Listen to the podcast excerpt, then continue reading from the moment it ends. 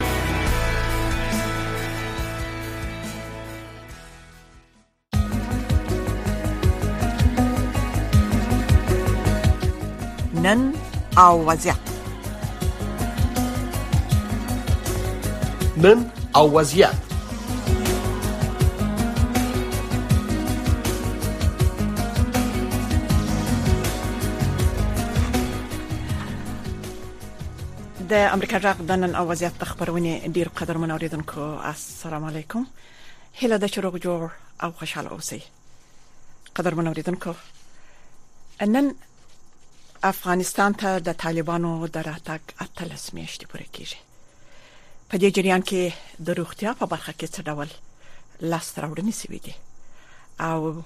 څه ډول ستونزې بیا موجودې دي نو فقر او بیوزلی هم شذو اساسي ستونزه ده چې د روغتیا په خدماتو کې دوی ډیره په دې برخه کې محروم دي یا محروم پاتې شوی دي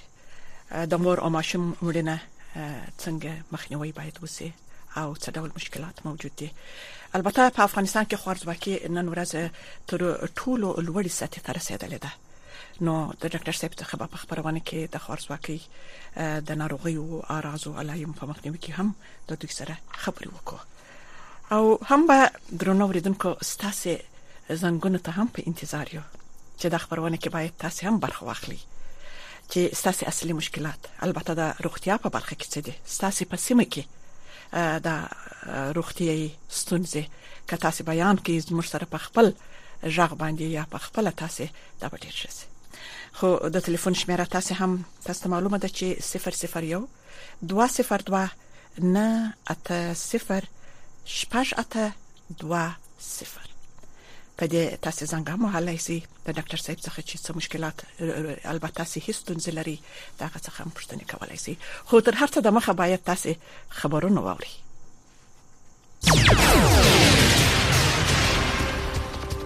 ویان سید سلیمان شاه په کابل کې د امریکا مخکینی استاذ علمي خلیلزاد په بشپړ ډول د دوحه د توافقنامې د عملي کولو غږ کړي د خبر تفصيل د افغانستان د سولې د مذاکراتو لپاره د امریکا پخوانی استازی زلمی خلیلزاد وایي چې داعش د طالبانو او د نړیوال ټولنې ګډ دښمن دی او د دغه ډلې په خلاف په مبارزه همکاري کېدای شي چې په آینده کې د اړیکو یو مهمه برخه وګرځي د خلیلزاد په باور د ټولو آپشنونو په جمله کې د مخ په وړاندې حرکت لپاره په بشپړه توګه د دوه د توافقنامې عملي کول بهترینه لار ده خلیلزاد دا خبره په خپل یو پیغام کې وکړه چې د امریکا ژغ پښتو او دری څنګه ته د سې شنبه په ورځ د ټویټر لارې واستوه شافع سردار امریکا ژغ واشنگټن په عین وخت کې طالب چارواکو نن د چهارشنبې په ورځ د فرورۍ په پنځلس مه چې له افغانستان نه د پخواني شوروي اتحاد د عسکرو د وتو څلور دېرش مه کلیزه وه د ځانګړو مراسمو په ترڅ کې ولمانځله. شوروي ځواکونه د نولس سوه نهه اتیا میلادي کال په فرورۍ کې په همدې ورځ له نږدې لسو کلونو جنګ نه وروسته له افغانستان نه ووتل. طالبانو د حکومت د بهرنیو چارو د وزارت سرپرست امیر خان متقي د یو لوړپوړي روسي قوماندان کرنیل جنرال اناتولي سیډوروف دا څرګندونې رد کړې دي چې د افغانستان په خاوره کې د تاجکستان له سرحد سره څېرمه د داعش د خراسان له څانګې نږدې څلور زره وسلوال دېره دي. د تاس خبري اژانس د نوموړي روسي جنرال له قوله دغه خبر د سې شنبې په ورځ ورکړی و. خو متقي هغه ته بلنه ورکړې چې د افغانستان له شمالي سیمو نه دې په خپل لیدنه وکړي د طالبانو امنیتي ځواکونو په کابل کې د تمدن تلویزیون دفترونه تلاشي کړي دغه شخصي تلویزیون د افغانستان د شیعاګانو د حرکت اسلامي ګوند د مشر شیخ آصف محسني پورې اړه لري اته تنه افغان ژورنالیستان چې په افغانستان کې د بي بي سي لپاره کار کوي او د بریتانیې حکومت یې د دوه زره یوویشتم میلادي کال په اګست کې له راویستلو نه انکار کاوه، د دوشنبې په ورځ یې د لندن په یوې عالي محکمې کې د د حکومت پر خلاف دعوا چې تېر کال په ډسمبر کې دایر کړې وه، وګټله. تاسو دا خبرونه له امریکا غږ واشنګټن نه اورئ. د چین جمهوررئیس شي جین پینګ پرون د سې شنبې په ورځ په بیجینګ کې د ایران د جمهور رئیس ابراهیم رئیسي هرکلی وکړ. د رویټرز اژانس خبر ورکړ چې رئیسي چین ته دا درې ورځنی سفر په داسې حال کې کړی چې د متحده ایالاتو او د چین ترمنځ تشنج زیات شوی د چین مطبوعاتو خبر ورکړ چې شي جین پینګ ژر تر ژره د ایران د اټومي پروګرام په سر د راپورته شوې لانجې د یو مناسب حل غږ وکړ او لاغه هیواد سره د چین د ملاتړ ژمنه وکړه په عین وخت کې ایراني چارواکو مشهور فلم ساز محمد رسولاوف له شپږ میاشتو بند نه وروسته د سه شنبې په ورځ ازاد کړ. په واشنګټن کې د امریکا غږ د امنیتي چارو خبریال جیف سلیډن وايي، یو شمېر اوسنۍ او پخوانۍ لویدیځې استخباراتي سرچینې فکر کوي چې تېر کال په کابل کې د ایمن الظواهري له وژل کېدو وروسته سیف العادل د القاعدې د نوي مشر په توګه کار پیل کړی او له ایران نه فعالیت کوي. د متحده ایالاتو د دفاع وزیر لوید آسټن وايي، امریکا او انډیوالان یې څومره چې په وس کي کوشش کوي چې یوکراین ته په پسرلي کې د روسیې د پوځ په خلاف د ځوابي عملیاتو په غرض وسلې او مهمات ولیږي. د امریکا غږ د ډیپلوماتیکي چارو خبریاله سنډي سن وايي چې آسټن دا خبره د سې شنبې په ورځ په پنټاګن کې د یوه ګډ مطبوعاتي کنفرانس په مهال وکړه. What Ukraine wants to do in the, you know, at the first possible moment is to هغه څه چې اوکراین غواړي دا دي چې په لومړۍ ممکنه شیبه کې د جنګ په ډګر کې داسې شرایط مساعد کړي چې په ګټه او فایده یې وي او له همدې کبله موږ توقع کوو چې په پسرلي کې به تعرضي عملیات پیل کړي. د متحده ایالاتو د پوځ د سترو درسیزانو د کمیټې مشر جنرال مارک میلې چې له اسټن سره یو ځای د ژورنالیستانو پوښتنو ته ځوابونه ورکول په دې اړه وویل، هغوی لګیا دي همدا اوس پر ډونباس باندې حملې کوي، پرمختګ یې سوکه دی، دا د نابودۍ جنګ دی،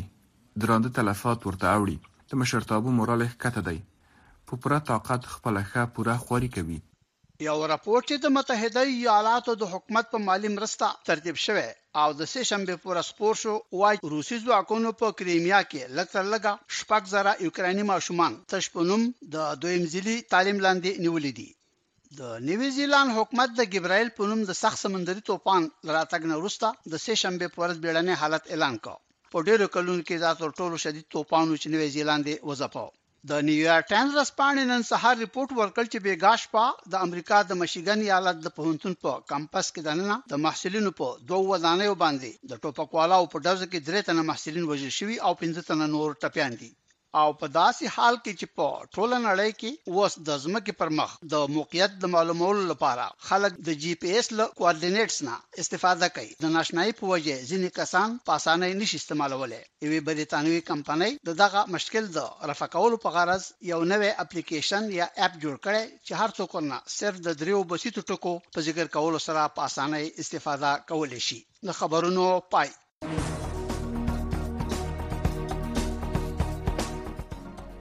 نن او وضعیت نن او وضعیت د نړۍ سیمه او افغانستان پر روانو چارو او د نن په وضعیت خبرونه راپورټونه مرکه او تحلیلونه هر شپه په 9 بجې د امریکا غږ آشنا رادیو نه واوري تاسو بیا هم د نن او وضعیت خبرونه ته ښه راغلاست قدرمن اوریدونکو نن په خبرونه کې زموږ سره ډاکټر صاحب عبدالهادي همدارد ملما دی او دا چې افغانستان ته د طالبانو دراتګ اتلس میاشتې پوره شوی په دې جریان کې د روغتیا په برخه کې څه ډول لاسته راوړنې یا پرمختګ شوی دی او بیا څه ډول ستونزې موجود دي په دې اړه کې به هم ډاکټر صاحب زموږ سره خبرې وکړي چې روغتيايي سیستم په څه ډول دوی ویني او درنو اوریدونکو تاسو کولای شئ چې هم زموږ ودې خبرونه ته زنګ ووهي په 001 202 نه اته صفر شپږ اته دوه صفر چې د خپل سیمه هغه روغتي سیستم به مرته بیان کړي کورمودان ډیر مننه محترم ډاکټر صاحب عبدالهادي همدرد یو نړۍ مننه ستاسو څخه چې تاسو خبرونه ته پلان وخت کې حاضر سوال از کورمودان ژوندي اوسئ د تاسو ته درنې شاپیر سردار او د آشنا تلویزیون درنو لیدونکو او اوریدونکو ته د زړه تل سلامونه او درنښت وړاندې کوم زما بشپړ نوم ډاکټر عبدالهادي حماس ته د حماس فاونډیشن رئیس بخښنه دې بیخي ډېره بیخي ډېره ده زه هم داسې په دې کې داسې فکرجن اسولم چې ما همدرد مې څنګه ویلې حماس صاحب یاست بخښنه دی بیخي بیخي ډیره بخښنه دی محترم ډاکټر صاحب عبدالهادي حماس بیا هم خبرونه ته شرغلاست ډاکټر صاحب لکه څنګه چې مې مخکې ویل افغانستان ته د طالبانو دراتګ اتلس میاشتې پر اسوي او په دې جریان کې د روغتیا په برخه کې څه ډول پرمختګ شوی دی څه ډول ستونزې موجود دي فقر وو په اصطلاح د بیوزلۍ کچه خو بيخي عین تر ډیره حد لوړه ده خوارځواکي هم ډیره شوې ده د شوزو په برخه کې هم ځینې مشکلات موجود دي که استونزه به تاسو بیان کړئ چې شوزي وڅته ضرورت لري خو په هر صورت لومړی سوال مې دادی محترم ډاکټر صاحب عبدالهادي حماس روغتيایي سیستم په افغانستان کې اوس په څه ډول تاسو وینئ ډیره زیاته مننه شاپیر سردار په رښتیا هم لکه څنګه چې ژوند مهم ده د عمره د ژوند د بقا د ساتلو لپاره د ژوند د روغتیا سیستم ساتل یا هغه ته پاملرنه دا په خپل ځات کې ډیره زیاته مهمه ده یعنی چې ته موږ روغتیا ولرو نو موږ ژوند وکړو او که چې زموږ روغتیا ونه لرو بیا که موږ ژوند کوو هغه هم هغه به بیا نیمګړی ژوند وي یعنی پر ژوند بنوي بشپړ ژوند بنوي او هغه رقم ژوند بنوي چې موږ د ځان او د نورو کېګنه باندې راسو او دا ژوند لکه څنګه چې الهي نعمت ده د دغه نعمت نه به موږ د دغه نعمت د خوندونو نه به موږ تاسو برخمن نه یو نو د ژوند لپاره د روغتیا سیستم دا خورا ډیر اړین دی خورا ډیر زیات مهم دی لکه څنګه چې تاسو پوهیږئ تقریبا نږدې اتلس میاشتې وشوي چې په افغانستان باندې اسلامي امارت حاکم ده د دوی پر اتک سره نورو زونونو کې خو به ما ته ډیر معلومات نه وي خو دغه جنوبي ختیځ زون چې پکتیا او پکتیکا او خوست او لوګر او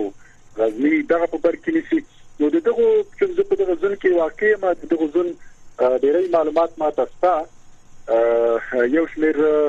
څه چې زیات پرمختګونه به هم سوي وي او یو شمېر ننګونې به هم موجود وي یو شمېر ستونزې به هم وي چې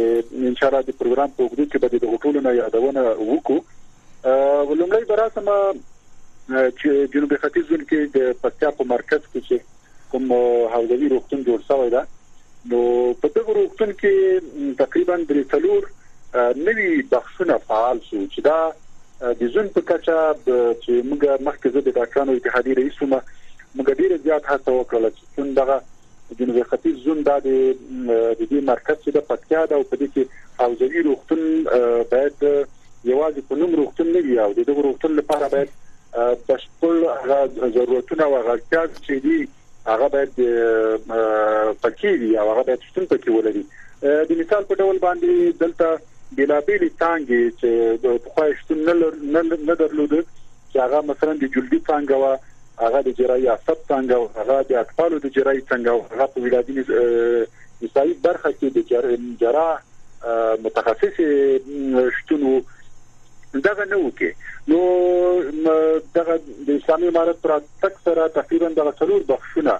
چې هغه مخکې یادونه وکړه چې یو د جلدی څنګه ده یو د عقلي واسطه څنګه ده او یوه د جراحي اعصاب یا نیورو سرجن چې ورته وایي دغه څنګه د ویرادمتای برخه کې د خجینه جراح د شتون برخه ده او همدارنګه یو بل ډیر مهمه برخه چې د رګونو د یو متخصص شتون چې د کله چې اساس رګونه او غرګونه چې هغه د ژوند سره تړون لري چې هغه پریس او په لند وخت کې هغه ترمیم نشي د انسان د مرګ سبب کیږي نو د دې یو جراح شتون هم شته چې د هغه د رګونو د جرایي د رګو د جرایي د رګونو متخصص ته په لند مهال کې کولای شي چې مهم رګونه یا ماین رګونه چې هغه د جرا د جرایي یا د مثلا تروما له امله خراب شي هغه ترمیم کی نو دا پرمختګونه دي چې د تقریبا څو شپخانه دی اوس د اوزوي شپخانه یو څه رنگ ورکړ یعنی نور بخښنه چې هغه اطفال دي او هغه داخله ده او هغه مثلا ګلو ده یا د غوږ پزې ستري څنګه دي دا خو په عام وي نو دغه لوی پرمختګونه او د دې څنګه کې اوس یو شمېر پرسونل چې په خوا کم وو او خلکو ته رسېږي نه څو کولای اوس په حکم ډیر زیات تغیرات راغلي د خو مثلا په یو برخه کې متخصص نو اوس مثلا اورد کې اورتوپیډیک هم درې متخصصین دي یا مثلا په جراحي برخه کې درې څلور متخصصین یا مثلا په نورو برخو کې متدي متخصصینو هغه د دا د اندازه لوړه شوې ده بله بله ډیره مننه ستاسو څخه محترم عبدالهادي حماس محترم ډاکټر صاحب تاسو د هغه څنګه نمونه یاد کړل چې په دا نوی روختون کې فرزند جراحي څنګه د جلدي څنګه د موږ به ډیره هغه په اصطلاح فوکس یا هغه ډیره توجه به د شذو او اساسي روغتيایي خدماتونو ته موږ راجع کو چې هغه شذې ډیره محروم دي نو تاسو د پکتیا په ولایت کې چې یاست او د دې روغتون په اړه کې مو په اصطلاح دا یو نوې پرمختګ دي چې نوې روغتون راوتلې دي او البته نو یوازې څه خبره څنګه به په نظر کې نونسو د دوی فعالیتونه به هم په نظر کې نونسو چې څونه دوی پرسونل لري څونه کارونه مخته تللي دي د څر امکاناتو سره دوی په اصطلاح نوي امکانات البته تخنیکی او صحي او بعض امکانات څونه موجود دي البته شتي چې نن ورځ محترم حما صاحب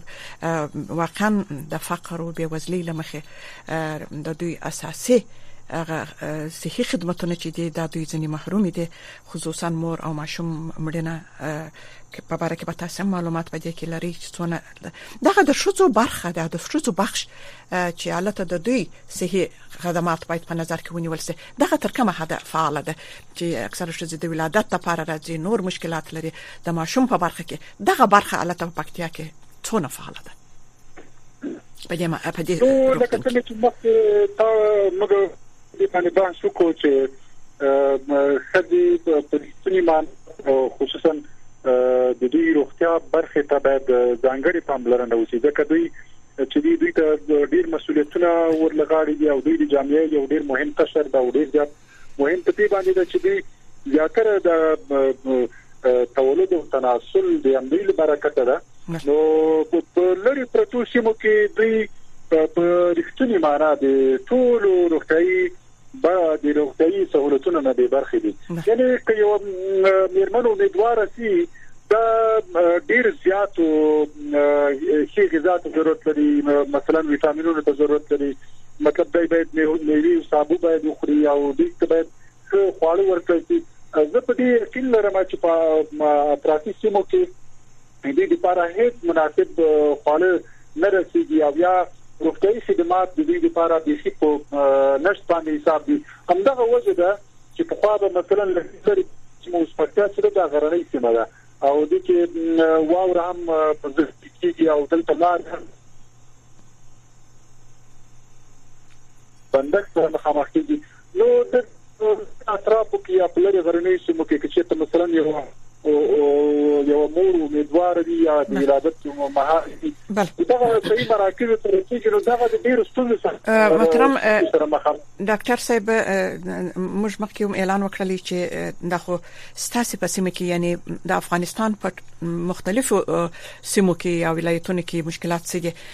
نو موږ د اوریدونکو څخه هم هیله وکړله چې تاسو تلیفون وکړئ که څه ستونزه لرئ دوی به خپله ستونزه هم بیان کړي ستاسو په اجازه که تاسو وخت لرئ خو بیا به هم ستاسو سره په تماس کې اوسېږي تاسو په لین کې یاست چې دوی هم بعضې پوښتنې ستاسو څخه هم کوي البته د صحت په برخه کې د خپل ماشومانو په برخه کې د ناروغي په برخه کې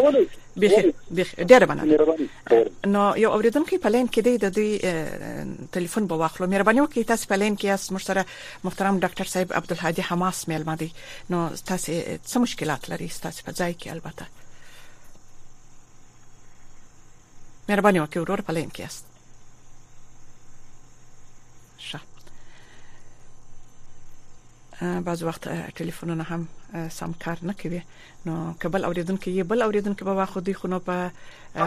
تالوس کې کار کوي bale مهرباني وکړئ نو تاسو په لین کې است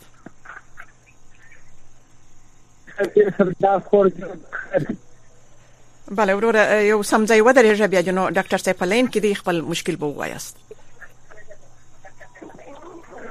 مننه کوم اوس مې غږ سم شو بیخي سم دی بیخي سم دی خبرې کوي وروره مننه کوم د کندهار د سره په تماس کې ما شرکت سردار خور دولس کال کې چې په جوړ خپکان اخته ما هیڅ لوی رقم دغه مریض دی لاس نه راخي د کندهار حالت هم تاسو ته معلوم دی او د 12 کال کېږي چې دغه مریض سره مخامخ یم څو عمر یې وروره د څو عمر یې د 15 کال یم ښه د 15 کالو ډاکټر ته ورغلی یا د ونې ډاکټران ته کړلی مه چې داسې یو شی سپی کړي چې د کوټ سره ما لکه مناتونه را وکړه دوا راکړل خو دته غوښتې ما دونه پیدا نه کی چې ډاکټر ته ورسم بیا په کندار کې موږ بله وروره ته د ټلیفون په غوښ کې ونیسه ستاسو خبر ډاکټر صاحب هم پښتني وکي سمه ده سترګو خو ده ډاکټر صاحب مهرباني وکړئ دغه ورور فکر کوم ما چې څومره واوریدل دی وایي چې زه په یو جوړ خفقان باندې دوی د کندهار څخه زنګ وهلې دی د 25 کالو دی په جوړ خفقان باندې اخته دی تاسو ودا ته څه توصيه کوي چې یو د حل لار یو په اصطلاح ورته وشوي چې دې څوک سردار خور بله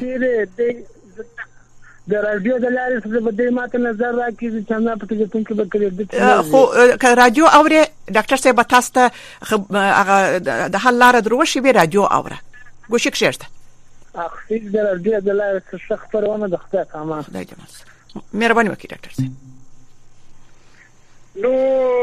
شافیه سردار بدبختانه چې افغانستان تقریبا 15 څلويخ کال د جنگ په ډګر وو او لا هم ستونزې موجود دي افغانستان اقتصادي فقر سره مخ د افغانستان وګړو بیلابیلې ستونزې ولیدې نو د هیڅ شک نشته چې د روحي ستونزو کچه د افغانستان په وګړو کې ډېره زیاته ده حتی زه فکر کوم ممکن تر اویا فیصد خلکو پورې د افغانستان ډیپریشن ولري هغه چې خپګان باندې اخته دي دی غوي ډیر لوړ ده او بلابل همدغه فکتورونه دي چې لوګه ده فقر ده بله محترم ډاکټر صاحب بخښنه دی کده دغه ورور و جواب ته تاسو راسن راسي چې دوی به شراب چې د دوی څو وکي د دوی ته لار شوونه وکي چې دوی د د 25 دوی د پاره دوه لارې دي یو لار دا ده چې د ډیپریشن لپاره د ټول خلک چې دوی ځان بوخت وساتي یعنی دا ته بوختیا د ځان لپاره پیدا کی چې دوی به د کوشش کوشش کوي چې کوشش نشي نه نسی نشته کې چې مثلا یو کاری بوختیا دې سبب کیږي چې د ډیپریشن او دې او دې په څنګه کې چې ته د ورزش بل هغه وسیله د ډیپریشن د یا د ډیپریشن باندې اخته کسان ډاکټر صاحب وبخښي مهرباني لپاره ډیره کم رسته کوي bale bale مهرباني وکړئ لږ څه مو د ځای ته تغیر ورکړئ چې ساس आवाज بند بند راځي لین مو یو څه سختګی لري خو په هر صورت موږ به دا ورور ته وایو چې ډاکټر صاحب وایي چې تاسو اول یو کار ځان ته پیدا کړئ په یو شی باندې ځان اخته کړئ سپورت کوه چې دغه هم تا دا مهرباني ما خبره شاته سره دا چې یو ډاکټر ته دی چې د عصبي واقعي او عصبي متخصص وي دوی ته د لاسي دوی ته یو ډول یا دوه ډول درمل توصیقي، هغه درمل، فزیکي تمرین او کاري بوختیا دغه درې واړه سره یو ځای ان شاء الله له ډیپریشن نه خلاصي او د روغ او سلامت انسان وي خو دا د خبرو څخه د معلومېدل چې د ډېر ډاکټرانو ته هم تللی دی خو بیا هم ستاسو نظر هم ډېر مهم و ورته کورمودان ډاکټر صاحب ستاسو څخه ډېر مننه بیرته پراسو محترم ډاکټر صاحب ودی ته چې لکه څنګه چې مو ویل د لوږې کچه هم په افغانستان کې فقر بيخي ډېر دی او اکثره خوارځواکي په دې دغه کې په دې افغانستان کې ډیره سوې ده د دې علت څه دی خوارځواکي ناروغي ولې پیدا کیږي اعراض او علایم او مخنیوي باید څنګه وسی چې دا خلک هم د ډیر ستونزو سره مخامخ دي سوی تغذیه چې ډوډۍ سمنه ورسیږي او فرزن هغه د دوی هغه صحي روغتیا ډیره په بالکل درنو ساتي سردار دا ډیره زیاته مهمه پوښتنه ده او ډیره زیاته ښه پوښتنه ده په لومړي سر کې خو کچېرته یو کورنۍ کې یو خور یا یو مور امیدوار وي نو اول باید دې له هغه ځای نه د دې غذا ته پاملرنه وکړي دې ته باید مناسب خواړه ورکړي دې ته باید میوه ورکړي دې ته باید وټامینونه باید ورکړی سی او په خپل په خپل وخت باندې دوی باید ډاکټر ته لاړ شي د ماشوم هر میاست باید د تریجنی معاینه وسی او دغه هغه چې د مثلا وده او نمو کوم حد کې کوي دینه باید ډاکټر با خبر اوسېږي مور باید با خبر اوسېږي نو که چېرته مور صحتمند وي او ښه غذایی غذا واخلي د دې راتلونکي ماشوم ډیر قوي راځي ډیر ځواکمن راځي او د چانس سوی تغذیه باندې ډیر کم په سوی تغذیه باندې دغه د دې راتلونکي ماشوم ډیر کم چانس لري چې په سوی تغذیه باندې اخته شي او دومره خبره دا ده چې کله بیا ماشوم پیدا شي د دې لپاره زیاتره مندي چې مثلا اول خپل شو دی ورکی یا خو خده کې بازاري شو دی ورکی زیاتره شو دی تستموي نو دوی کوشش کوي چون فقر دا غریبي د دوی وړ دوی کوشش کوي چې یا شودي په داسې ډول باندې ورته جوړي کې چې هغه ټولې وبوي هسي نومي دي شودوي او یا د سي چې لګ لګ شودي ورکوي هغه د مړیږي نه نو دا دواړه بیا د دې سبب کیږي چې مثلا ماشوم سوی تغذیه طرف ته لاړ شي او درېمه مهمه خبره دا ده چې اوس یو شمېر مراکز الحمدلله مراکز صحیح مراکز پیدا شوي دي نو که چې تاغه مین دي چې دوی مثلا پوه شي چې ماشومې سوی تغذیه د ماشومې دي مراکزو ته پرته له ځنډه هغلته باید مراجعه وکړي کنه ډیری میندې اوس په دې باندې نه پوهیږي چې دوی ماشوم ضعیف ده دوی فکر کوي چې دا علاج نه لري یا زه باید قراره په کور کې نه ما زه باید د غمو نه خورم خو نه د سینه ده دوی د صحیح مراکزو ته لاړ شي ته د صحیح تغذیه لپاره ځانګړي مواد او ځانګړي باغ دي د دې لپاره ځانګړي خوراکي توکي دي چې هغه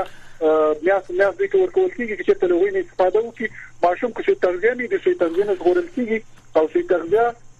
تاسو کې بیا د نور ناروغي لپاره زمينه برابرې د دې مقاومت کیږي او دوی کبادي زکام باندې مخ کې بادي سینه بغل باندې مخ ته چې د دوی د مرګ لامل ګرځي نو په دا زما توصيه مراد کې او رسته بیا هم کدي د پیدایښت ماشوم باندې پوه شي چې دا تغذیه سره مخ مخ کېدونکې ده چې تغذیه روغتون ته مراجعه وکړي او چې تغذیه به ښه تلار اول ته د هغو موادو نه د ماشوم مستفید کی بله موږ ډیر کوشش وکړو چې موږ د افغانستان چې د اوسنی حکومت د عامه روغتیا د وزارت څخه څوک راولو او په دې برخه کې خبرې وکړو چې تاسو په خبره تعمیرونه به جوړ یې څنګه به موجودي البته مختلفې څانګې د هرې مریضۍ لپاره مګر وسایل نشته ډاکټر نشته خصوصا زموږ ښځې د روغتياي خدماتو څخه په دې خاطر ډېری محروم دي چې حالته چې ولادت کوي ښځې موجودیت بخ ډېر نه یي داسې خو په بعض شفاخانو کې به یې داسې نه وایم چې په ټولو روغتياي مرکزونو کې بني خو په لیرو پروتو سیمو کې دا مشکل هم ډیر شته ستاسو په دغه پکتیا کې چې دغه روغتون دی څنګه د شوزو موجودیت الته ستا شوزو ډاکټران ستا موږ وخت لږ دی د دې خې یو دقیقه پاته ده چې وخت مخلاصو کاش کې ډیر وخت مو درلودای چې موږ به د خپل درنو اوریدونکو سره هم خبرې کړې وای مهرباني وکړئ دا جواب ډاکټر صاحب تراکې مینه د پخوا په پرتله باندې اوس زه چې څومره پرتله کوم د پخوا په پرتله باندې د خځو لپاره د پکتیا په اوځوي روغتون کې کافي د پام وړ پر پریزل لپاره مثلا دوه دوه درې متخصصین ولادي نسایي متخصصین موجود دي دلته او د ټولو دلته اوس د بله په کار باندې پیل کړی دا او بله ډاکټر صاحب بیا هم اواز سم نه دی نو اوس مې بله مهرباني وکړئ بس د خبرونه اخیری شیبې دي پروګرام هم پای ته رسیدي نو ډاکټر صاحب ستاسو څخه ډیره مننه چې بیا هم تاسو خبرونه ته حاضر سولاست چې خبرونه وخت لږ وو او اوریدونکو هم ستا او زموږ پښتني هم بيخي ډیری وي نو ان شاء الله ان شاء الله بیا په بل خبرونه کې ستاسو سره خبرې وکړو کور مودان ډیره مننه قدرمن اوریدونکو زموږ د نن او وضعیت خبرونه په همدې ځای پای ته ورسیده اوس په لاند وخت کې روایت امروز دی چې بیا ورسته ستاسو ژغ پروګرام دی نو تاسو ټول پر خدای سره خدای مو مالسه